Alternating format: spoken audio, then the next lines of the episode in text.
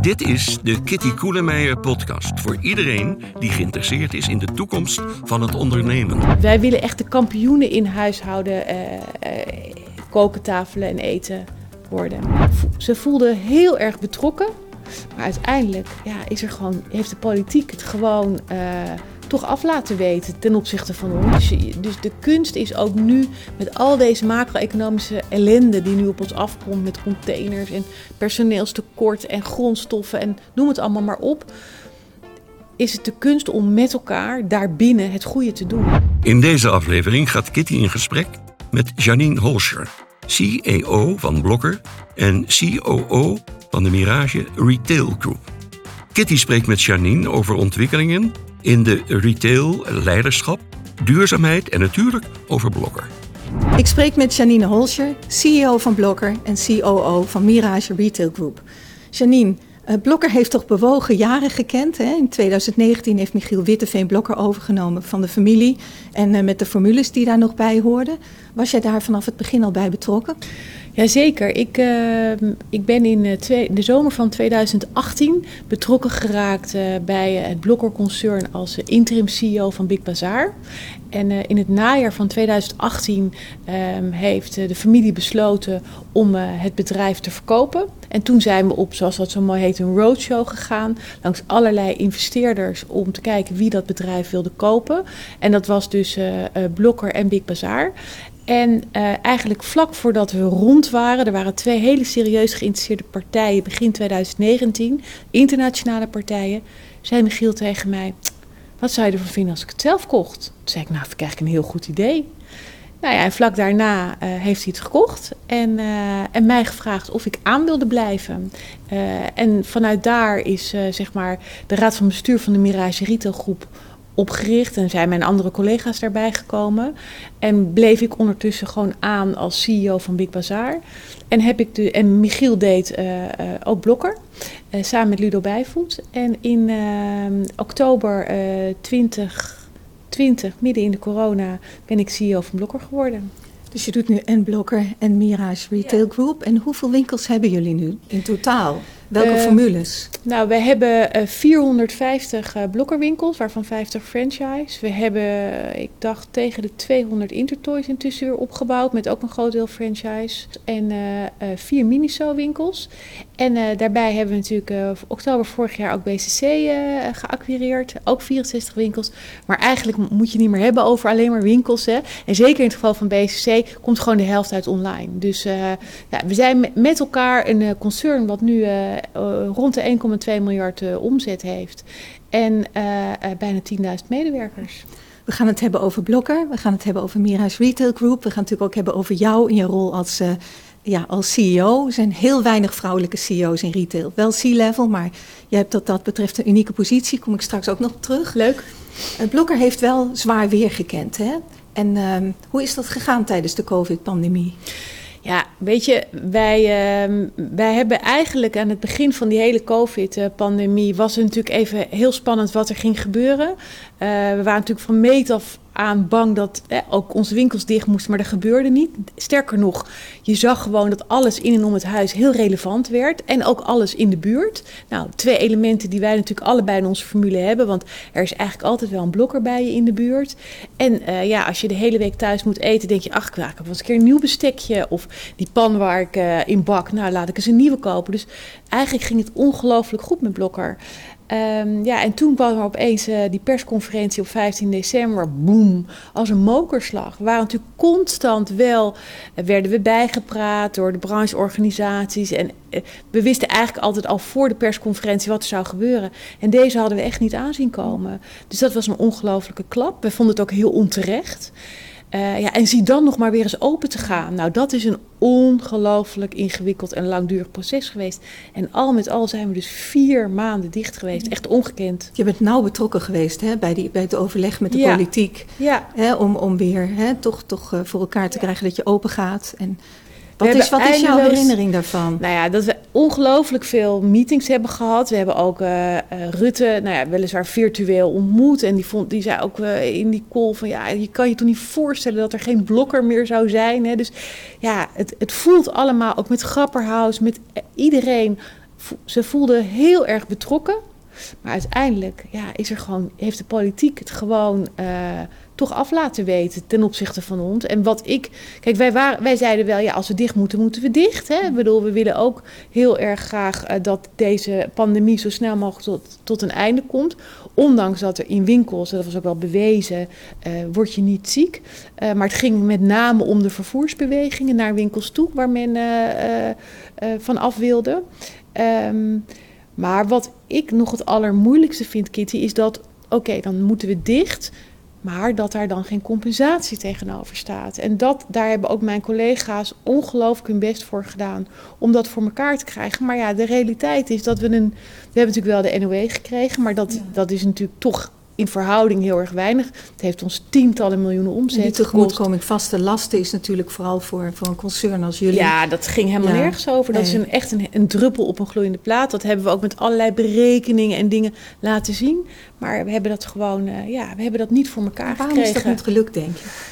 Nou, ik denk dat het belangrijkste, er was gewoon onvoldoende politieke dra draagvlak. En um, dat heeft denk ik ook te maken dat er in de beleving van de politiek het idee was: ja, dat groot winkelbedrijf, dat keert zichzelf dividenden uit, rijke aandeelhouders. Maar als je ziet de schrijnende verhalen van mijn collega's, familiebedrijven, vijf generaties, die moesten bijstorten, uh, bijna omvielen. Bedrijven die, uh, um, van collega's die net andere bedrijven hadden overgenomen, die niet meetelden. Nou, echt echt heel schrijnend. Dus ik, gewoon oneerlijk. Dat, en dat heb ik wel moeilijk gevonden. Maar ja, tegelijkertijd, je moet ook door met een bedrijf. Dus je moet ook vooruitkijken. Dus we hebben op een gegeven moment gezegd... jongens, het gaat hem niet worden. We gaan het gewoon op eigen kracht redden. Maar het blijft wel een heel oneerlijk gevoel. Ja, en je, je redt het ook op eigen kracht. Hè? Ja. Blokker schrijft weer zwarte cijfers. Bijna. bijna. Hè, de eerlijkheid gebied te zeggen ja. dat we bijna... en dat we zeker dit jaar zwarte cijfers hadden geschreven... waar het niet dat we, nou ja, natuurlijk gewoon toch de eerste maand van dit jaar dicht zijn geweest. Maar ik, uh, het wordt mij natuurlijk vaak gevraagd. Ja. Maar ik ga er echt voor dat we in 2022 zwarte cijfers gaan schrijven. En welke maatregelen heb je genomen? Uh, tijdens, tijdens, de pandemie, ja, maar tijdens, dat, dat loopt natuurlijk samen met die hele ja. overname. Nou kijk, we zijn natuurlijk eigenlijk van meet af aan... hebben we heel erg, zijn we natuurlijk naar de kosten gaan kijken. En die, die rezen echt wel de pan uit. Waar zat hem dat uh, in? Dat zat hem heel erg in uh, personeel. Heel veel, ik, ik, ik, personeel hoofdkantoor, personeel, personeel hoofdkantoor. Nee, niet personeel winkel, met name hoofdkantoor. Ik denk dat wij nu op ons hoofdkantoor bij Blokker met nou, misschien wel 120 mensen minder werken dan twee jaar geleden. Welke afdelingen en, vooral? Ja, over, de, de hele, hele linie? linie? En we hebben eigenlijk, en ik noem dat, en dat wordt dan in de pers een beetje uitvergroot, maar ik noem dat, we hebben een beetje een start-up-achtige cultuur gecreëerd, waar, waar we dus heel veel tussenlagen, coördinatoren, et cetera, hebben we er allemaal uitgehaald. En we hebben ook gewoon heel veel geautomatiseerd. En uh, dat hebben we denk ik op een hele uh, nette, uh, geleidelijke manier gedaan. Ze hebben geen grote reorganisatie hoeven aan te kondigen. Maar we hebben dat wel met elkaar voor elkaar gekregen. En we doen dus nu met veel minder mensen hetzelfde werk. Um, maar het scheelt ook, want het, het is ook allemaal wat leaner. Dus het, is ook wat, ja, het gaat ook allemaal wat sneller en wat makkelijker. Het is ook een beetje een trend om dat te doen. Hè? Albert Heijn heeft het gedaan, tussenlagen, ja. uh, weggehaald. Jumbo. Jumbo gaat het nu doen, ja. Maar ja, is dat, is dat, omdat, is dat nog wel overblijfsel uit de tijd dat het allemaal goed ging? Of heeft dat echt met die automatisering te maken? Ik denk een beetje en-en. En ik denk ook dat als je, als je dus een... Kijk, bij ons bijvoorbeeld, bij Blokker... wij hadden een hele formuleafdeling. Nou, die deden echt wel hele goede dingen. Maar um, in die end... Uh, hebben wij, is, is het ook niet zo complex dat we allemaal verschillende formules moeten hebben. We hebben gewoon blokker. En als je dus iemand vraagt om de formule te doen, heeft diegene in no time ook weer een assistent en nog een. Ja. En, en het dijt gewoon, zeg maar, organisch uit. Dus als je weer eens even heel kritisch gaat kijken naar wat je echt nodig hebt, ja, dan, dan kan je dus ook met minder mensen het werk doen. Nou, we hebben ook uh, gezorgd uh, dat we uh, ons eigen merk wat nadrukkelijker op de voorgrond zetten. Nou, dat, is gewoon, dat zijn margerijkere producten. Daar kan je je natuurlijk bedoel voorstellen. Je in aantallen of bedoel je in presentatie of in, in communicatie? In verschillende. Dus we hebben um, het, het, daar waar er ook aanmerken zijn, zetten we daar nu proberen we in ieder geval consequent een eigen merk tegenaan te zetten. Nou, we hebben natuurlijk die uh, koffiecupmaker hebben we geïntroduceerd. Uh, een, een soda-watermaker die erg lijkt op een, een bekend aanmerk. maar we hebben ook gewoon de staafmixer, de melkopschuimer. Nou, dat zijn allemaal eigen merken waar we nog veel harder aan werken om dat gewoon echt uh, aanmerkkwaliteit voor een blokkerprijs te laten zijn. En dat zijn ook artikelen die gewoon ook margerijker zijn. Verwacht je nog hiccups als het gaat om COVID? Nou ja, ik, ik, werk, ja, ik werk 30 jaar in de retail en uh, ik heb dit ook nog nooit meegemaakt. Nee. En ik, uh, weet je, we hebben natuurlijk de hiccups zijn overal. Hè? Dus het, is, uh, het zijn de grondstofprijzen en de schaarste. Nou, dan heb je dat gemanaged. En dan heb je een container nodig als het uit het Verre Oosten komt om het te verschepen.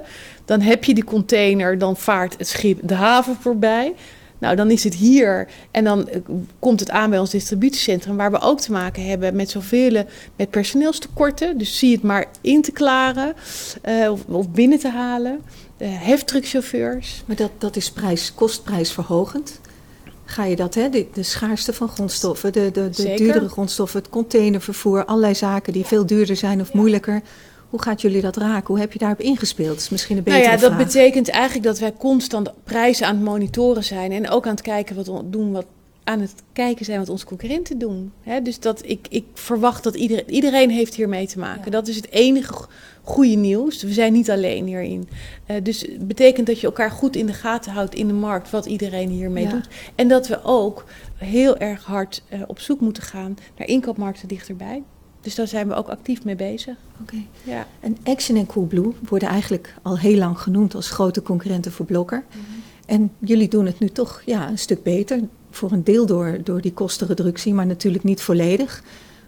Is dat, nu, is dat nu allemaal minder scherp, die concurrentie tussen jullie? Of, of heb je daar een, een plek in gevonden? Nou, ik denk dat wij. Kijk, ik, ik vind wij zijn uniek gepositioneerd omdat we een hele sterke uh, offline winkelpropositie hebben in de buurt. Uh, maar we hebben ook een sterke online propositie. En we hebben ook nog eens een heel groot platform met sellers. Uh, en, en, maar, en om de stap die wij nu echt nog beter moeten maken, is om te zorgen dat dat allemaal heel goed integreert. Dat is best ingewikkeld. Er zijn in Nederland best weinig partijen die dat allemaal zo hebben als wij. Uh, en als je het hebt over omnichannel, dan wil je natuurlijk, je wil eigenlijk gewoon nooit meer nee verkopen. Dus als een klant bij onze melkopschuimer zoekt, dan hebben we hem van ons eigen merk, van een A-merk, maar we hebben hem ook alleen online. En we hebben ook die hele specialistische melkopschuimer, misschien met een retro look of een premium merk. En die kan je dan via onze seller op ons platform vinden. Dus wij willen echt de kampioenen in huishouden, uh, uh, koken, tafelen en eten worden. Okay, over omnichannel gesproken, hè? Uh, jullie hebben natuurlijk ook tijdens de COVID-pandemie een enorme verschuiving gezien van offline naar online. Wat is het, van 100 naar 140 miljoen online, 40% ja, stijging. Ja, zeker, zeker wel. Ja, ja, dat gaat natuurlijk voor een deel ten koste van de winkels. Maar in de eerste plaats, hoe hebben jullie, hè, ook door de sluiting, maar ook sowieso zo'n verschuiving, hoe hebben jullie die, dat gemanaged? Zo'n 40% grotere online omzet. Dat is nogal wat. Ja, dat, dat, is, uh, dat betekent dat ook in je, met name aan de fulfillment kant, heeft dat heel veel consequenties. Nou, dat hebben we natuurlijk ook allemaal gezien met kerst, dat PostNL ja. het niet meer kon. En toen hebben we eigenlijk heel snel in drie dagen een eigen bezorgservice uit de grond gestampt. Dat kwam eigenlijk ook een beetje vanuit onze medewerkers, want die zaten dus thuis en die zagen uh, die enorme shift naar online, omdat gewoon de winkels dicht waren. En die wilden ook graag wat doen. En toen hebben we, we hadden uh, al, weet je, als, zoiets, als zo'n pandemie zich ontvouwt, ga je allemaal scenario's maken van wat stel je voor. Stel je voor, ja, het gaat natuurlijk nooit gebeuren, maar stel je voor dat de winkels dicht zouden moeten. Daar lag natuurlijk wel een scenario. Daar hadden we ook wel een beetje op geanticipeerd. En dat konden we vrij snel uitrollen. En dat ging eigenlijk met name om een app om te kunnen, uh, echt te kunnen bezorgen. Om, tegen, om iemand te kunnen zeggen: Ik heb het bij jou bezorgd. Uh, om die transactie af te maken. Dus we hebben gewoon de orders kwamen, werden online geplaatst en die kwamen er in de kassas van de winkels uitrollen. Daar werden ze gewoon in de winkel gepikt, klaargezet en door de medewerkers van de winkels in de buurt uitgereden of gefietst of Nou, daar hebben we, meer dan, we hebben meer dan 100.000 pakketjes op die manier bij onze klanten uh, gebracht. Dus je winkels werden ineens distributiecentrums, ja. hè? Ja. Eigenlijk een beetje de dark stores, maar dan zonder ja. het dark. Nou, het waren eigenlijk dark stores, want ze waren gewoon dicht. Ja. En had je daarnaast ook nog een centraal DC? Ja, ja, zeker. Alleen daar, daar liepen de achterste... Kijk, daar kan je eindeloos pikken en klaarzetten. Maar als PostNL het nu komt ophalen, dan hoopt het zich daarop. En dan krijg je het er ook niet meer uit. Dus nee. uh, we hebben dus in onze algoritmes het eerst naar de winkels. En als die het niet meer hadden, dan uh, ging het uh, naar onze DC. Blijf je dat doen? Eerst naar de winkel? Nou, Blijf je dat doen? Zeker. En sterker nog, dat doen we nu ook. Want we, zijn, we hebben daar natuurlijk veel van geleerd. En um, we hebben um, sinds augustus bezorgen we vanuit winkels... Dat start, dat doen we nu nog op een pilotachtige manier. Maar we zitten ondertussen al in zeven steden uh, met 21 winkels. Uh, uh, fietsen wij met fietscouriers producten naar de klant. En dat is ook heel erg vanuit een duurzaamheidsoogpunt. Dus het is natuurlijk veel slimmer om als die melk, melkopschuimer in een winkel ligt vanuit de winkel uh, naar die klant toe te fietsen, dan dat die moet gepikt worden in een distributiecentrum, PostNL op moet komen halen en met die busjes de wijk in moet. En dat is een groot succes. Ja, je hebt natuurlijk wat efficiëntie in een groot distributiecentrum, wat je niet in een winkel hebt. Dus ja, het is relatief duur in een winkel ja, te pikken. Maar in een, in een winkel heb je natuurlijk ook altijd wel, mijn collega's in operations zijn er niet altijd met me eens, want die zeggen er zit ook een grens aan, maar je hebt altijd wel uh, wat leegloop. Wat leegloop. Ja, zeker. Kijk, je, je krijgt natuurlijk toch een blijvende verschuiving richting online. Dat betekent dat die omzet in de winkels per definitie minder wordt. Dat kun je natuurlijk voor een deel opvangen hè, door die bezigheden waar je het over hebt. Maar het is toch wel iets waar veel omnichannel retailers van wakker liggen. Van wat doe ik met dat zorgvuldig opgebouwde winkelnetwerk, ja. wat bij jullie natuurlijk al een beetje opgeschud is. Ja. En hoe ga ik daarmee om als mijn online omzet zo snel groeit? Ja. Nou, met die huurcontracten, met die grote ruimtes. Zeker, zeker. Nou, wat, kijk, wat ik sowieso, ik probeer ook bij ons de shift te maken dat we het niet meer over online en offline hebben. Want we hebben zo verschrikkelijk veel verschillende stromen. Uh, en, die, en een deel van die stromen lopen via de winkel. Dus ik denk dat de winkel ook verandert in een soort hub. Hè? Dus je kan ook niet meer zeggen die winkelomzet. Want ja, uh, waar reken je het nou eigenlijk aan toe? Want de winkel heeft ook een, een, een, bestelpunt. En als wij het in de winkel niet hebben, dan kan de klant, kunnen wij dat voor de klant bestellen en krijgt hij thuis. Is dat dan online? Of de, die discussie proberen we heel erg uit te blijven. Um, maar wat we natuurlijk altijd doen, is altijd die winkelportefeuille evalueren. Dat doen we eigenlijk elke dag. En daar waar we kunnen, uh, uh, zijn we dus winkels ook wat kleiner aan het maken. Hoe doe je dat, uh, een winkel kleiner maken? Nou, wij, we, we hebben gewoon minder vierkante meters nodig. Ja, maar je kunt toch niet zomaar een stukje af? Nou, dat is ook wel onderhandelingen met vastgoedeigenaren. Of als je nieuw gaat aanhuren of reloceren. We zijn ook steeds meer te vinden in de wijk in plaats van in de binnenstad. Hè, onze ideale locatie is toch ook wat meer tussen een Albert Heijn en een Lidl in. Okay. Liever dan in een drukke winkelstraat. Um, en um, nou, er zijn ook nu wel voorbeelden van winkels die we, waar we dan bijvoorbeeld een verdieping hebben die we teruggeven aan de eigenaar. Of bijvoorbeeld dan verlengen we wel het contract, maar kleiner.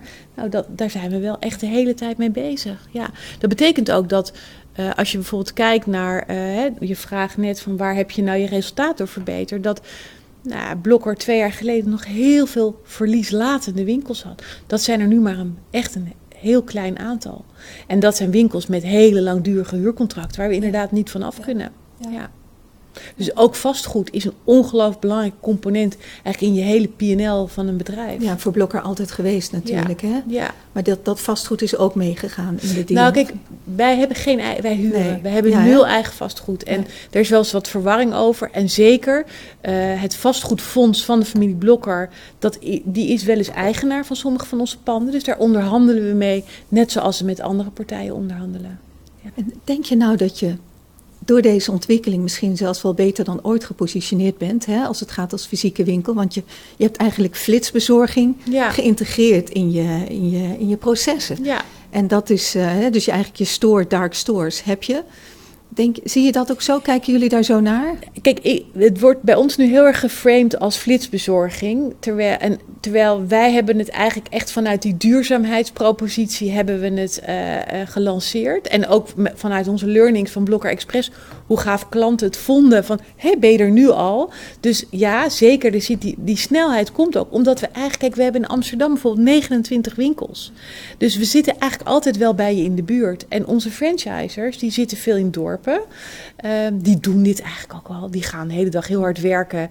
En dan gaan al die mensen uit de buurt, dat gooien ze achter in hun auto. En voordat ze naar huis gaan, reizen nog een rondje. Hè. Dus die hebben dat ondernemerschap eigenlijk ook al. Um, maar ik denk inderdaad, wij kunnen gewoon heel snel bezorgen. Um, en, um, dus, en, dat, dat, en dat brengt ons op een voorsprong tot pure players. Dus ik vind het ook heel mooi dat wij en-en hebben. Maar we moeten dat natuurlijk wel op een hele goede manier met elkaar doen. En je doet dat met een derde partij, hè? Jullie doen dat niet in eigen beheer, toch? Die nee, bezorging? Die, die bezorging doen we met uh, Packily. Dat is ja. eigenlijk een uh, best wel innovatieve uh, start-up. Dus dat vind ik ook heel leuk, want die brengen ook weer allerlei nieuwigheid bij ons binnen. En ook de energie van een start-up.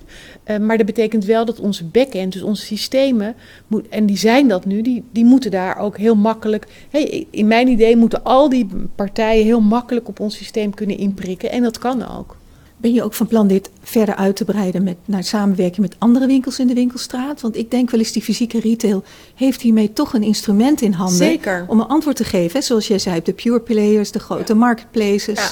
Wij denken zeker dat we een rol kunnen vervullen in dat lokaal bezorgen. Dat ook de boekhandel zijn pakketje bij ons kan neerleggen. Want het is natuurlijk ook zo in al dat soort processen hoe, nou ja, we zeggen dan hoe dikker de stroom, dus hoe goedkoper het per pakketje is. Dus volume creëren is ook daar heel erg belangrijk. Maar jullie willen daar ook echt een voortrekker in zijn. Ja. Want nu is het vooral flitsbezorging, vooral food, hè? kleine boodschapjes die je vergeten bent. En, en wat jullie dan eigenlijk gaan doen is toch die, die frictie, hè? De, de moeite die je moet doen om naar de winkel te gaan, de auto te parkeren, om dat toch Zeker ja, om dat weg te, te nemen. wachten. Hè? Ja. Als je online bestelt moet je ook vaak wachten. Dus dat, en als je, zeker. En, maar aan de andere kant, als je dan het, uh, gewoon naar de winkel wil... omdat je hebt vijf staafmixers online gezien... en je weet eigenlijk niet welke je moet kiezen... dat je naar die winkel kan en dat daar iemand is die jou kan uitleggen... wat de verschillen zijn. Je kan bevestigen in je keuze. Dus ook de winkel en, de, en zeg maar ook de capaciteiten van het winkelpersoneel... is ongelooflijk belangrijk. Want ik vind wel als je dan de moeite neemt om uit je luistoel te komen en naar die winkel te gaan, dan moet je ook echt een goede ervaring hebben. Dan moet het ook waard zijn geweest om dat te doen. Okay. Dus dat is ook wel echt belangrijk. Dus ja, we moeten het allemaal doen, ja. uh, Kitty. Maar je hebt ook te maken met zelfstandige ondernemers, je franchise-nemers. Ja. En dat is uh, nou, voor veel retail-formule, retailketens, is dat best wel een uh, lastig dossier. Omdat ja, daar, daar frikt het soms, zeker als je over online spreekt, omnichannel. Hoe gaat het met jouw franchise-nemers? Juichen ze deze ontwikkeling toe? Ja, ik zou eigenlijk aan je moeten zeggen, ga eens met ze kletsen. Maar uh, ik uh, kan zeggen dat dat een ongelooflijk goede samenwerking is. Ik, ik snap dat uh, dat bij sommige formules wel eens lastig is. Dat is bij Blokker ook niet altijd even makkelijk geweest. We hadden oorspronkelijk veel meer franchise-nemers. Maar hoeveel we, heb je er nu nog? We hebben er nu 54. Op hoeveel winkels? hebt 450 winkels. Ja, hoeveel winkels ja. hebben ze samen? Uh, zij, zij, de meeste hebben er maar één. Okay. Dus er zijn er één of twee die hebben er meer. Ja, dus, dus dat is niet zoals bij HEMA. Ja. ja. En um, zij, um, ja, ik vind dat er heel erg veel te leren valt van franchise-nemers. Dus je, natuurlijk, er is altijd wat te zeuren, maar over het er is ook heel veel te leren. Want zij doen, hè, nou, we hadden het net even over dat bezorgen. Ja, uh, we mochten bijvoorbeeld niet, uh, we mochten niet click en collect toen we dicht waren. Zeiden die franchise-nemers, ik spreek bij de kerk af en dan overhandig ik het gewoon. Dat ondernemerschap, dat is wat we ook heel graag in Blokker willen brengen. Dus er valt heel erg veel te leren. En ik denk ook, zolang de omzet goed is en de marge goed is, zijn zij ook tevreden. En, dat, uh, en, en gewoon met elkaar in gesprek blijven. Dus ik, uh, onze voorzitter van onze franchise uh, die onderneming, daar, daar, daar app ik s'avonds mee en daar heb ik gewoon heel veel contact mee. En ik hou er ook van, hij heeft net weer een winkel geopend, dan ga ik langs. Ik ben ook gewoon oprecht daarin geïnteresseerd. En hoe ga je dan om met de verdeling tussen online en offline omzet? Dat is natuurlijk in het verleden heel vaak een knelpunt geweest. Hè? Je, ja. Een klant die online bestelt, waar valt die omzet? Waar vallen de kosten? Ja, nou daar heb, dat hebben wij gewoon heel goed met ze geregeld. Hoe, hoe, hoe heb je dat We geregeld? hebben dat, uh, uh, uh, zij krijgen daar gewoon een vergoeding over. Dus het is niet dat wij dat gebied helemaal markeren, maar zij krijgen gewoon een vergoeding over de online omzet. Over, en de kosten die, die zijn voor hen, ja, de kosten ja. van retouren. Ja. Van, ja. Oké, okay, en dat, dat, dat, dat vinden ze goed. Dat ja, werkt dat goed. werkt voor nu goed. Ja, ja. Dat is mooi. Ja. Prachtig. Ja. En uh, dan had ik ook nog een vraag over BCC, hè, want jullie hebben de overname gedaan. BCC was heel nauw in samenwerking met WECAM. Zetten jullie dat nu ook door? Blijft ja, dat, uh... vooralsnog is dat contract uh, met WECAM. WECAM heeft een belangrijke omzetaandeel in de, in de omzet van BCC. Dus dat, uh, dat loopt gewoon door. Ja, dus de fulfillment, distributie, dat blijven jullie allemaal doen. Ja. BCC heeft zich daar eigenlijk wat op gespecialiseerd. Gaat, gaat Blokker ook die kant op? Of zeg je van nou, dat, dat heeft nou, BCC nou eenmaal, dus dat... Nou, wat wij uh, doen nu al is met Bol. Hè. Wij, wij verkopen onze producten nu met Bol. En we zien eigenlijk dat dat heel goed gaat. Dus dat verkopen op platforms van derden, dat is wel... Weet je, er zijn natuurlijk allemaal... Ook weer zo'n stroom waar we het net ja. over hadden. Want die moet je ook weer servicen. En er moet ook weer voorraad naartoe. En er bellen ook klanten over. Uh, maar dat is wel iets wat we heel nauwlettend in de gaten houden. En ik geloof ook wel dat uh, als wij dat eigen merk echt goed hebben staan. Uh, we zijn zo'n bekend merk en we worden geassocieerd met goede kwaliteit. Dat er ook op andere platformen zeker een plek voor ons is. En wat bied je aan op, op, op de platformen, hè? zoals Bol? Is dat eigen vooral merk? alleen eigen merk? Ja. Niet, niet de merkproducten? Nee, nee. En dat, uh, heeft dat een, een positief effect gehad op de omzet? Ja, het is natuurlijk nog niet zo heel veel. Maar je ziet wel de, de potentie. Dus we doen al dat soort dingen ook. En dat is een beetje dat start-up-achtige. Ja. Kijken of het werkt. Uh, we doen het ook even met een merk. En dan ja, pivoten zoals het heet. En dan kunnen we het misschien keren. Of... Kun je een voorbeeld geven van iets wat niet heeft gewerkt? Uh, nee, heb ik nu even niet... Van iets wat wel zich al bewezen heeft? Wat je ooit als experiment begonnen bent? Oh, ik dacht dat je bedoelde op het gebied van Bol. Nee, ik nee, bedoel nee, nou, het gebied nee, van nou, Blokker Express. Nou, eens was. Blokker ja. Express is nou echt zo'n mooi voorbeeld... waar we ook bijvoorbeeld hebben geleerd dat we uh, de, de online... we hadden alleen de online voorraad tijdens kerst... maar nu zeggen we ja, die winkelvoorraad moet erbij. Dus nou, dan ga je dat... Ja, je hebt natuurlijk heel veel technologie hier allemaal voor ja. nodig. Alles is technologie gedreven. Ja, je zegt ook Blokker wil meer platformorganisatie worden. Hoe, hoe zie je dat voor je? Want verkopen via platforms is één... Maar zelf we zijn zelf ook een platform. We, hebben, we werken met Miracle. Dat is echt wel een heel gerenommeerd platform. Daar zitten uh, ik op dit moment volgens mij 300 sellers op met honderdduizenden producten. Uh, en uh, een derde van onze online omzet komt van sellers. Ja, en dat, uh, dat willen we eigenlijk uh, uh, nog wel verder uitbreiden. En dat willen we eigenlijk met name op dat huishouden, eten, tafelen en koken domein. Omdat we daar echt de kampioenen op willen zijn. Dat zijn we natuurlijk al een beetje, maar dat domein willen we echt, echt claimen. Maar die relaties met die sellers, die doen jullie dus niet zelf? Jawel, die zoeken we zelf. We hebben dus een team die dus... Want eigenlijk ben je bol.com aan het spelen een beetje, hè? Zeker, dat doen we al heel lang. Dat heet Blokker Connect. En dat is er al, een, dat is er al denk ik een jaar of vier. Alleen ja, ook daar hebben we misschien wel te weinig rugbaarheid aan gegeven. Dus dat zijn ook dingen die we dus aan de voorkant op onze website nu ook duidelijker aan het maken zijn. Ja. Heb je ook de technologische kennis in huis? Heb je goede developer afdeling? Nou, bedoel, veel het is nogal wat, Het hè? is nogal wat, zeker. Ja. Nou, het is ook heel wat in de journey. Want natuurlijk, als je een echte omnichannel journey wil... dan wil je dat een artikel wat je bij een seller online hebt gekocht... wil je eigenlijk ook in de winkel terug kunnen brengen. Nou, dat betekent allemaal heel ja. erg veel. Of ook in je checkout. Als jij, je kan natuurlijk, nu kan je niet een artikel van een seller binnen een uur thuisbezorgd krijgen. Dus het, het, is, een, het is echt heel complex. Um, maar um, um, we hebben de development, voor een groot deel besteden we dat uit. Dat doen we met externe partners. Dus we hebben wel een, zeg maar de front-end mensen zitten ook een aantal bij ons in huis, maar veel besteden we ook uit. Okay. Ja. En als je dat nou naar de toekomst doortrekt, bijvoorbeeld bol.com heeft gezegd, het liefst zouden we geen eigen webwinkel hebben, geen eigen voorraad hebben. Mm -hmm. Het liefst zouden we alleen met uh, derde partijen als sellers werken. Nou, dat, ik denk dat ik dat, dat niet zou willen. Nee, maar hoe ver wil je gaan? Nou, um, uh, ik, ik wil heel graag een heel relevant assort eigen assortiment houden voor onze klanten. Die ook de moeite waard zijn om een winkel te bezoeken. Kijk, bij Bol is dat toch anders. Wij hebben gewoon fysieke winkels waar we ook heel graag onze spullen willen laten zien. Daar hebben we nu wat minder vierkante meters voor nodig dan in het verleden. Dan hebben we een online olieassortiment. Dat is natuurlijk ook heel interessant voor onze aanmerkleveranciers. Want die kunnen de bestsellers in de winkel laten zien. Ze kunnen dan de iets minder hardlopers web-only doen. En ze kunnen op ons platform ook uitproberen of de niche of de randassortimenten. En het leuke dan weer van data is dat je dan via die omzetten bij die, op, die, op, de, op Miracle, op het sellergedeelte, kan denken... hey, dat is een interessant artikel en die trek je dan naar online olie. En als hij zich daar echt bewijst, heb je hem straks ook in de winkel. Dus ook de data die je daarmee genereert is ook voor leveranciers heel interessant. Ja. En jullie hebben ook een goede data science afdeling. Ja. We hebben de, een, best een groot aantal mensen op uh, data science.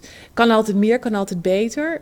maar ja, we, we, we, we, proberen ook heel erg te kijken wat er in de buitenwereld gebeurt. Dus we, we hebben slimme mensen die ook wat er in de buitenwereld combineert met onze eigen cijfers. Want je hebt ook zeker met zo'n coronapandemie ontzettend de neiging om heel erg naar jezelf te kijken en je eigen organisatie. Maar ja, we moeten ook wel naar buiten kijken en inderdaad dat marktaandeel in de gaten blijven houden. En uh, nou, kijken wat, uh, wat er buiten gebeurt. En die toegenomen transparantie hè, door online zoeken en vergelijken, die, die levert margedruk op. Dat kan niet anders. Mhm. Zeker voor je merkproducten.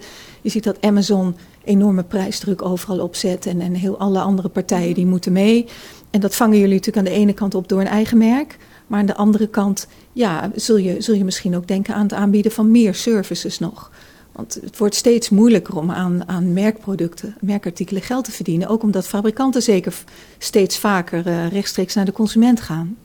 We, eigenlijk uh, is dat ook de belangrijkste achter, of dat is een hele belangrijke achtergrond ook voor onze eigen merkpropositie. Uh, ik denk dat dit, dit speelt met name bij BCC. Waar natuurlijk de concurrentie moordend is. Uh, en zij zijn op allerlei fronten bezig om services toe te voegen. Ze hebben ook hun eigen bezorg- en montageservice. Uh, maar ook, daar, ook, dat, ook zij zijn bescheiden daarin. Dus dat kunnen ze ook nog veel beter vertellen. Coolblue dat, doet dat natuurlijk fantastisch. Maar ik durf te zeggen dat BCC dat net zo fantastisch doet. Alleen het misschien iets minder vermarkt. Hè? Dus dat gaat ook over Be Good and Tell It. Uh, als ik het over Blokker heb, zijn we nu nog heel erg wel bezig met, met nou ja, die omni-channel journey en het toevoegen van services, ja, uh, uh, zit wat mij betreft nog veel meer in uh, het bijvoorbeeld toevoegen van afhaalpunten in de winkels of dat soort zaken. Meer convenience Meer convenience gerelateerd dan het verkopen van extra service. Nou zijn die convenience services, investeringen daarin ook het meest lonend. Hè? Ja. Er is een groot onderzoek naar geweest. Ja. En aan de andere kant zit je natuurlijk met die experience of gewoon echt het toevoegen van services. Ja. Maar dat, dat komt dan wellicht nog. Nou ja, dat heeft nu niet mijn allergrootste prioriteit. Ik heb wel eens uh, lachend gezegd van, hoe ga, kijk, als, je, als wij nou echt van huishouden zijn, dan zouden we misschien wel een platform moeten hebben van huishoudelijke hulpen. Hè? Hartstikke leuk om dat te ontsluiten. Of de Vinted voor Blokker, om een app te hebben dat mensen uh, uh, hun gebruikte staafmixers aan elkaar maar weet je, er zijn zoveel leuke goede ideeën. Maar het belangrijke is nu eerst even zwarte cijfers, omni-channel ready. Dat daar ligt, en duurzaamheid, dat staat ook hoog op de agenda. In de komende vijf jaar, wat zijn dan in hoofdlijnen de plannen met Blokker? Wat zijn de dingen waarvan je zegt, dat wil ik echt anders doen, verbeteren, doorzetten? Nou ja, ik wil heel graag dat, uh, dat, dat al die stromen uh, en al die opties, bezorgopties, proposities waar we het over hadden, dat die echt gewoon helemaal goed lopen. Dat we echt die klant daarin centraal hebben kunnen zetten. En dat klinkt allemaal heel makkelijk, maar dat is het echt niet. Want als je alleen maar naar de checkout op een website kijkt en je hebt in je mandje iets van een seller, iets online only en iets wat in een winkel is. En dan moet je nog gaan beslissen. Over, het is echt super complex. Maar dat is, dat is een enorme uitdaging. Ik, ik vind het zelf super cool om te zorgen dat het blokkermerk weer relevant is. Dat iedereen het erover heeft. Um, en dat onze medewerkers ook op een verjaardagsfeestje een leuk verhaal hebben. Dat het niet is, werk je bij een blokker, bestaat dat nog? Maar dat, je kan, dat mensen kunnen zeggen, hey, wat cool. Hè? En uh, blokker, wat goed, wat gaaf dat dat er weer is. Dat verdient iedereen ook, want er zijn zoveel mensen die bij ons al zo lang werken. Die hebben echt, zoals wij zeggen, een oranje hart. Echt ongelooflijk bijzonder om dat mee te maken. Dus die gun ik dat ook. Dat gun ik dat mooie merk ook. En dat gun ik ook de familie, want die hebben toch maar dit bedrijf in, ja, overgedaan, uh, in veilige haven gebracht bij ons. En ja, dat zijn we gewoon verplicht om ook weer, weer door te geven. Um, ja, en, um, en verder hoop ik dat iedereen die dan denkt over ik heb iets nodig voor mijn huis, als eerste aan Blokker denkt. Is jouw hart ook een beetje oranje inmiddels? Ja, eigenlijk wel. Ja. ja, ik ben er nu bijna een jaar. Uh, dat ik echt uh, alleen maar naar, uh, ja, naar Blokker doe. En ik, vind het, ja, ik vind het heel bijzonder. Ik vind het ook bijzonder door de mensen. En ik vind ook de reis die we met elkaar maken heel bijzonder. Ja. En je hebt bij heel veel verschillende organisaties gewerkt. Hè? We hebben dat nog niet besproken, maar je hebt ook een, ook een zelfstandig ondernemer. Ja. En je hebt dus ook heel veel bedrijfsculturen meegemaakt. Mm -hmm. Ehm, hoe is die bedrijfscultuur bij Blokker? Hoe was die er toen je kwam? En wil je daar veranderingen in aanbrengen? We hebben natuurlijk start-up cultuur gehoord, Ja. maar dat vind ik ook wat, wat makkelijk. Hè? Want er is geen bedrijf eh, wat, wat niet een start-up cultuur zou willen hebben. Hè? Ja.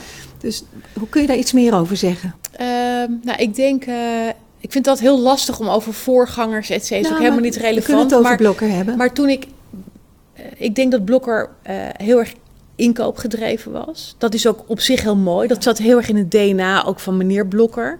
Eh, er wordt wel eens gezegd, eh, geen betere raad dan voorraad bij ons. Zo, dat En denk zat nu in wel dat anders over. En daar denken we nu natuurlijk met z'n allen Ja. heel anders over. Maar Ja. dat zit wel in het DNA van het bedrijf. Ja. Dus er zaten mooie dingen in, die handelsgeest, dat eh, betaalbaar maken voor iedereen van mooie producten. Ehm, dus het is elke keer ook een beetje de kwestie van het goede behouden, maar wel brengen naar de toekomst. Veel grote non-food retailketens, die, die zijn natuurlijk eigenlijk heel inkoopgericht Ja, ik wist nooit, weet je, ik wist eigenlijk helemaal niet wat dat was. Want ik hoorde wel, ja, het is heel inkoop. En dan dacht ik, wat is nou inkoopgedreven? Ja, wat is het nou? Inkoopgedreven is dat je iets koopt en dat je het in de winkel plettert en hoopt dat het verkoopt. Dat is voor mij Ja, of inkoopgedreven. overtuigd bent dat, je, dat het Ook, verkoopt. en, maar ook als het niet verkoopt, dat je denkt, nou ja, jammer dan of zo. En dat je, als je iets leuks ziet, koop je het. Dan sla je dat op in een distributiecentrum ergens en, tegen de, en dan haal je het er een keer uit. Ja, je koopt het alvast dat je denkt, leuk voor de kerst Leuk volgend voor de jaar. kerst volgend ja. jaar. is een goede deal, ga ik nu doen. Ja, het tuinkebouwte verhaal wat iedereen natuurlijk ja, kent. en maar ook al die DC, er was zoveel ops- verschillende opslagruimtes in dat concern. Eh, en dat is nu gewoon één DC. En nu managen we natuurlijk de voorraad. En we willen niet te veel. We kijken naar omloopsnelheid. En Maar was dat nog zo toen jij bij Blokker kwam? Was het toen ook nog een echte inkoopgedreven organisatie? Nou, ik, die, er waren al wel heel veel stappen gemaakt. Dus er was zeker ook door de automatisering van pakketten als eh, Slim 4, maar ook onze hele nieuwe ERP. En we hebben natuurlijk nu een Salesforce. Er is natuurlijk zijn heel veel stappen gemaakt. Maar het gaat nog steeds. Dat is de technische kant, hè? Ja. Dat zijn de systemen. Ja, jawel, maar die dwingen je ook wel om bijvoorbeeld niet alleen maar inkoopgedreven te zijn. Ehm, maar aan de cultuurkant ehm, eh, nog steeds.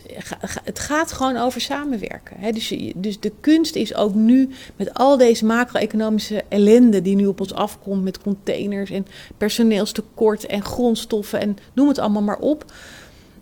Is het de kunst om met elkaar daarbinnen het goede te doen? En dat zie ik ook echt wel als mijn taak. Dus met elkaar, hè, want je kan eh, in zo'n multidisciplinaire organisatie als een retailbedrijf is, heb je elkaar gewoon allemaal heel hard nodig. En, en moet je, je moet het echt met elkaar doen. Dat klinkt misschien heel erg als een cliché. Maar dat, dat is wat ik elke dag aan de hand heb. Want het kan ook zomaar zijn en dat iedereen naar elkaar gaat wijzen en zeggen: Ja, omdat jij kan ik niet. Nou, dat, dat- daar wil ik heel ver bij wegblijven. Dat is bij ons ook helemaal niet aan de hand. Maar dat is iets wel waar je altijd attent op moet zijn. Maar is dat elkaar. anders voor een inkoopgedreven organisatie dan voor een... Ja, ik- je hebt niet gezegd hoe je, hoe je de organisatie noemt, waar je naartoe wil. Is dat een klantcentrale organisatie? Zeker een hè? klantcentrale Maar organisatie. wat, wat vraagt dat dan van de mensen die daar werken? Wat, wat verandert er dan? Hè? Want je, je werkt ook samen als het goed is Ja. in een inkoopgedreven organisatie. Ja, maar een inkoopgedreven organisatie is inkoop. En ik heb natuurlijk in de jaren negentig bij HEMA gewerkt. Wat toen inkopers waren koningen. Ja. En die bepaalden alles. We bij HEMA in de jaren negentig was er nog niet eens een market, nauwelijks een marketingafdeling. Dus dat, Maar dat wie bepalen alles eh, straks in jouw klantcentrale organisatie? Ja, ik denk dat we het echt met elkaar... De klant bepaalt het. Ja. En, en daaromheen moeten wij ons voegen eh, en, en, en zorgen dat we relevant blijven. En hoe heb je de organisatiestructuur dan veranderd? Want die kan niet hetzelfde blijven als je van inkoopgedreven naar klantcentraal gaat. Ehm, nee, maar je hebt, wij hebben bijvoorbeeld een wat. We hebben geen directie. We hebben gewoon een redelijk groot managementteam. Eh wat met elkaar eh, overlegt. En wat natuurlijk heel fijn is, is dat we ook, en dat is weer een voordeel van corona, dat we heel veel online manieren hebben om samen te werken, om elkaar eh, wa- wanneer het nodig is op te zoeken. En dat maakt het ook wel makkelijker. Als je nou kijkt naar de, naar de winkelstraat van de toekomst, hè, over vijf tot tien jaar, wat is jouw, jouw visie daarop? Wat zie je gebeuren? Je- Voor een deel ben je natuurlijk ook degene die, jou, die je eigen voorspelling kan waarmaken. Ja. Maar wat, eh, wat zie jij? En het mag best een beetje een wensbeeld zijn. Nou, ik, wat ik zie, maar ik weet niet, kijk, vijf jaar is hartstikke ingewikkeld. Hè? Ja, nou, dat is echt heel ver. part, ja. Maar waar wij, waar wij natuurlijk wel op voor sorteren is eh, dat winkels eh, veel meer hubs worden of platforms, ik bedoel, ple- plekken waar je heen gaat, maar waar niet per se, die niet per se heel groot zijn en die wel in een ik denk een hele gemixte omgeving. Hè. Dus, dus de uitdaging overigens is om die winkelstraat uh, of dat wijkcentrum, om dat interessant te houden met en werken en wonen en horeca en winkels. Ik verwacht echt dat het daar heel erg naartoe gaat. Kijk, als we ook allemaal ouder worden, dan willen we misschien ook weer wat dichter bij winkels wonen, misschien wel boven winkels. Uh, dus ik, ik verwacht dat daar heel, uh, dat het allemaal wat, wat gemengder wordt. En dat we niet meer in het autootje uh, naar een winkelstraat gaan waar alleen maar winkels zijn. En concreet betekent dat meer vermenging? Betekent dat ook een grotere positie voor de buurtwinkelcentra? Zeker. Want dat is natuurlijk de grote verrassing van COVID. Hè? Dat is de grote verrassing, ook voor ons. Dat je, ja, iedereen ook wat minder bereid is om wat verder te rijden. En je, je ziet ook gewoon na COVID het herstel uh, van, de, van de echte winkelstraten. Dat laat eigenlijk het langst op zich wachten. Oké, en wat ga je als blokker doen om dit mogelijk te maken? Nou, dat heel nauwlettend in de gaten te houden. Uh, ik zou ook best daar nog wat meer invloed op willen hebben.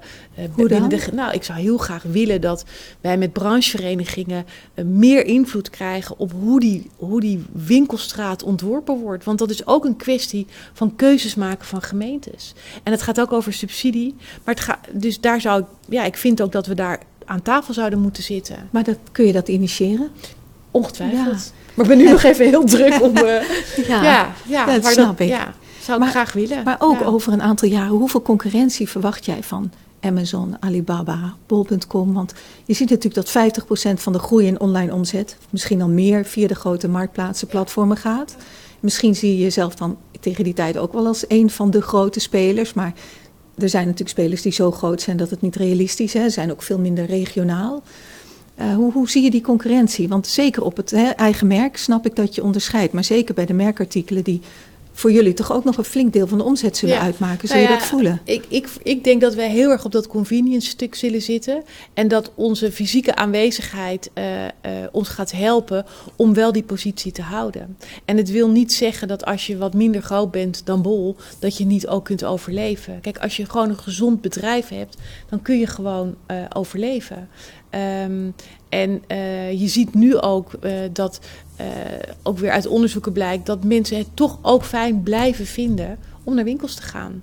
En zolang, kijk, wat, zolang de food niet gigantisch snel naar online zal gaan, daar is natuurlijk ook een beweging gegaan. Ik denk dat we die heel nauwlettend in de gaten moeten houden. Um, want als mensen niet meer de deur uitgaan om hun boodschappen te doen, dan gaat het voor iedereen heel spannend worden. En dat is natuurlijk nu al gaande. Maar de vraag is ook hoe hard gaat dat? Ja, wat denk je zelf? Ja, ik, ik las ook vandaag weer onderzoek daarover dat dat in Nederland nog echt achterblijft. In vergelijking met het buitenland. Ja, dan is het buitenland misschien een voorbeeld voor je, hè? Dat zou kunnen, maar we, we gaan niet zo hard als in het buitenland. Zijn er trouwens buitenlandse formules waarvan je zegt: wow, dat vind ik een, dat is een mooi voorbeeld van hoe ik blokker zie? Of, of misschien binnenlands, hè, maar het ligt meer voor de hand ja, om dat nou, iets verder te zoeken. Ja, nou, als je dat zo vraagt, denk ik, oh, ik wil zo graag weer reizen naar ja, het buitenland. Ik zie hem, ja, was dat het uh, wat ik zag? Ja, ja, ja, want ik, nou weet je, ik vind bijvoorbeeld een fantastische formule in het buitenland, maar dat is dan maar een klein stukje blokker, is bijvoorbeeld Crate Barrel. Maar goed, daar, daar, ben ik ook al twee jaar niet meer ja, geweest. Dat zijn, dat zijn wel hele hoge, hele grote winkels, hè? Dat zijn hele grote winkels, maar de, de wijze waarop zij hun wat meer uh, waar, decoratieve assortiment combineren met gewoon dat schilmesje, ja, dat vind ik dus heel inspirerend. En ik vind ook, en dat zijn we ook heel erg aan het doen, hè, onze winkels minder functioneel, meer inspiratie. Daarom hebben we ook wat meer uh, woondeco en dat soort zaken toegevoegd. Dat, Blokker is niet meer een winkel waar je alleen maar komt omdat je een schilmesje nodig hebt of dat je schuursponsjes nodig hebt. Of, of dat je een ander probleem moet oplossen, maar ook voor leuke dingen. En bijvoorbeeld Barrel integreert dat heel mooi samen. Dus nee, dat zijn hele grote winkels en ze hebben ook grote meubelen. Maar ik geloof heel erg dat je elementen, visual merchandising-achtige elementen of uh, uh, assortimentsopbouw, dat kan je natuurlijk ongelooflijk in het buitenland ook zien. Ja. En dat is zo jammer dat we dat nu allemaal ja, niet kunnen doen. mooi voorbeeld. Maar dat komt wel. Dat komt ja, wel weer. Ik kan niet wachten. Nou, ben je, nou ben je een van de, van de weinige vrouwelijke CEO's in retail. Ja. Je hebt natuurlijk heel veel dingen gedaan. Kun je misschien onder woorden brengen wat het nou is wat jou onderscheidt, waardoor jij op deze positie terechtkomt? Is het ambitie, is het drive of, of zijn het bepaalde competenties die je hebt of een combinatie ja, ik mag het daarvan? nooit zeggen, want dan je mag het wel altijd, zeggen. uh, dat is typisch vrouw, Nee, maar het is ook een beetje zeggen. mazzel. Ik heb natuurlijk gewoon Ah. zo lang werk ik hier en dan ja, ik heb heel lang allerlei verschillende klussen gedaan. En dan ja, ben Michiel tegengekomen. Maar het is ook een beetje mazzel, maar niet alleen maar. Nee, ja. Dus wat, wat is het verder? Waar ben je goed in? Waar, nou waar ja, ben je ik denk, echt heel what you goed see in? is what you get. Ik denk dat dat Ja. fijn is. Ik bedoel, eh, ik heb niet, ik, ik, dat roep ik ook altijd, dat predik ik ook, dat je jezelf moet zijn. Dat is het allerbelangrijkste. Ik ben nu ook in een omgeving terechtgekomen waar dat helemaal oké is. Ehm, en ehm, ja, ik denk dat ik ook, ehm, ja, ik ben echt een generalist. Hè. Ik heb natuurlijk ooit Nijrode gedaan, wat een hele generalistische opleiding is.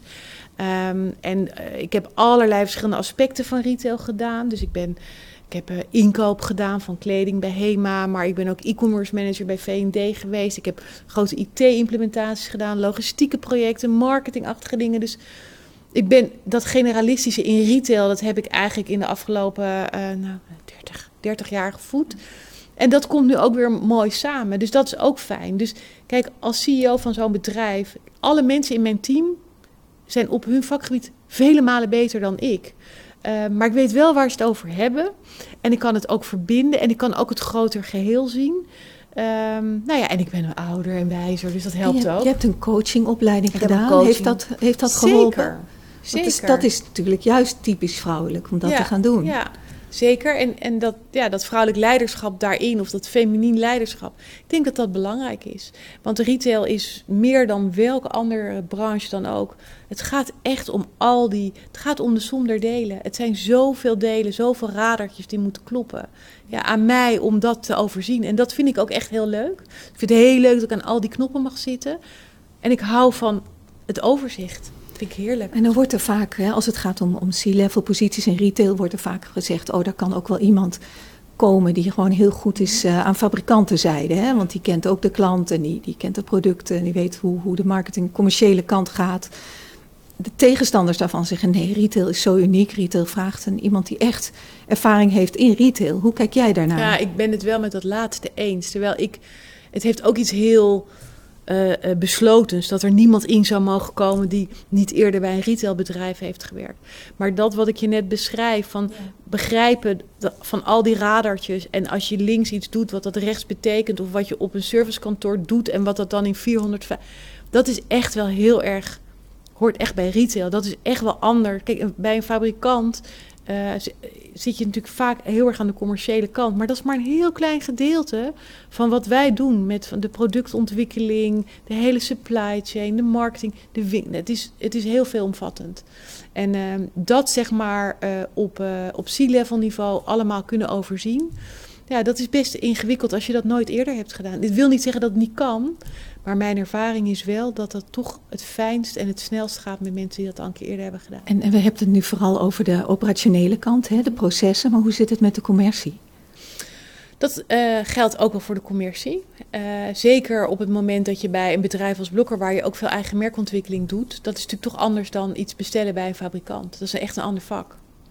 En hoe kijk jij naar een thema als diversiteit? Diversiteit in, je, in de boardroom, maar sowieso in je hele bedrijf? Nou, ik, ja, dat is voor, voor mij super belangrijk. Natuurlijk ben ik zelf al. Uh, hey, ik zit ook in een board bij Mirage als enige vrouw. Uh, dus ik vind het echt belangrijk om. Uh, ik heb nu ook in mijn team nu twee vrouwen erbij. Maar het gaat mij eigenlijk niet alleen maar over man-vrouw. Ja. Dus je ziet natuurlijk heel veel in onze winkels. Hebben we echt wel een afspiegeling van. Uh, jong, oud, um, uh, westers, niet-westers, maar ook uh, seksuele voorkeur. Het loopt allemaal. We hebben zelfs een drag queen ergens aan het werk. We hebben van alles. En ja, dat vind ik heel mooi, want ik, het is ook fijn dat onze klanten zich bij ons kunnen thuis voelen. maar dat zouden we op ons servicekantoor nog wel een beetje beter kunnen. Ja, want hoe, hoe innoveer je daar? Hè? Kijk, bij retail is natuurlijk de verleiding om, om op kleine details te focussen. Ja. De operatie te, te verbeteren, wat dan innovatie wordt genoemd. Maar voor echte succesvolle innovatie heb je diversiteit nodig, cognitieve Absoluut. diversiteit. Hoe, Ja. hoe doe jij dat? Hoe innoveert Blokker? Nou ja, dus bijvoorbeeld ook door eh, partnerships aan te gaan. En ook, eh eh nou, Pekkelie is gewoon een start-up, heel jong bedrijf met hele andere, weer andere cultuur, andere waarden. Maar ook door veel afstudeerders binnen te halen. Ik we hebben leuke verhalen. Dat we bijvoorbeeld, uh, we halen ook mensen uit de winkel naar ons servicekantoor. We hebben nu iemand werken die heeft vanaf de 16e als zaterdaghulp gewerkt. En die is een logistieke opleiding gaan doen. Nou, die studeert nu bij ons af. Maar ze werkt ook nog op zaterdag in de winkel. Nou, die brengt dus en praktijkervaring en kennis. Nou, dat, dat zijn echt hele mooie voorbeelden. Dus ik, ik, uh, ik vind het ook heel belangrijk dat we veel afstuurders hebben, stagiaires. Zodat we ook de vernieuwing binnenhalen, nieuw bloed, maar ook het talent van de toekomst. Want iedereen, ook in mijn eigen MT, moet, moet gewoon zijn opvolger eigenlijk al hebben zitten. En dat is ook heel mooi binnen Mirage. Dat we, we zijn natuurlijk nu een groot concern, we hadden het er net al over. Dus je ziet nu ook, hè, mijn opvolger bij Big Bazaar uh, was de supply chain man van Blokker. En zo zien we dat we uh, door het concern heen nu rollen met elkaar gaan opvullen. Dus dat betekent ook voor mensen, we hebben een eigen talentenprogramma nu ontwikkeld. Dus dat betekent ook dat we, ja, het ook interessant is voor mensen om bij ons te komen werken. En dat is ook in deze krappe arbeidsmarkt hartstikke belangrijk. Dus je kijkt echt vooruit op een mooie toekomst voor Blokker, ja, hè? Voor heel, heel Mirage. Voor heel Mirage, ja. ja. ja. En die Miniso-winkels, verwacht je daar nog uh, grote dingen van? Want het zijn er nu vier. Het zijn er nu vier. En uh, we hadden natuurlijk heel graag meer Ja, willen hebben. ik. Maar dat is nou typisch zo'n echte high-traffic locatie... waar op dit moment de traffic gewoon nog niet groot genoeg is. Eh, onze winkel in Eindhoven, de Demer doet bijvoorbeeld... da- daar is het wel druk, hè, dus dat is ook wel weer interessant.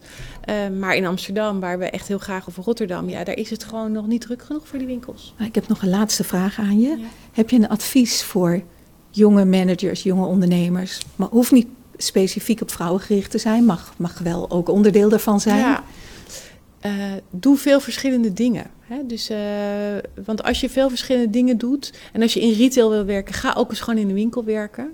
Ehm, het hoeft niet jaren, het kan ook een paar maanden, maar daar gebeurt het. En daar is die klanteninteractie natuurlijk het, het, het directst. Daar kan je zoveel van leren. Als ik een dag naar winkels ga, nou ja, ze worden bij mij gek op kantoor, want ik zit de hele dag te appen en te bellen en er komen allerlei dingen tegen. Ik denk, hoe- wie heeft dat nou weer bedacht? Dus, dus je leert ontzettend veel in winkels. Maar ook, eh, ja, als je echt verder wil in retail, is het ontzettend leuk om al die verschillende onderdelen echt te begrijpen hoe dat zit. Ja, je dat is, je is kan dat niks genoeg? in je eentje. Dat is een voorwaarde, maar het is niet genoeg, denk ik toch? Is wel, maar er, zijn niet zo heel veel mensen die dat ook doen. Want je bent natuurlijk toch geneigd om te zeggen: ik ben van de marketing, dus daar ben ik heel goed in. Dus dan ga ik bij een ander bedrijf weer marketing doen. En dan ben je uiteindelijk heel goed in marketing. Maar ik denk dat het ook uiteindelijk goed is dat je breed kunt kijken, in, met name in retail. En nog een specifiek advies aan meisjes, studenten, vrouwen? Ja. Gewoon precies hetzelfde? Gewoon be yourself. Gewoon doen? doen. Nou, Ruimte neem je. Krijg je niet, die neem je. Dat is wel een goeie nog, ja. Ja. Dankjewel, Janine Holscher. Graag gedaan. Dit was de Kitty Koelemeijer podcast. Als je dit gesprek interessant vindt en vaker dit soort gesprekken wilt zien of horen, druk dan op die bekende knop. Want dan weet je één ding zeker: de podcast van Kitty wordt vervolgd.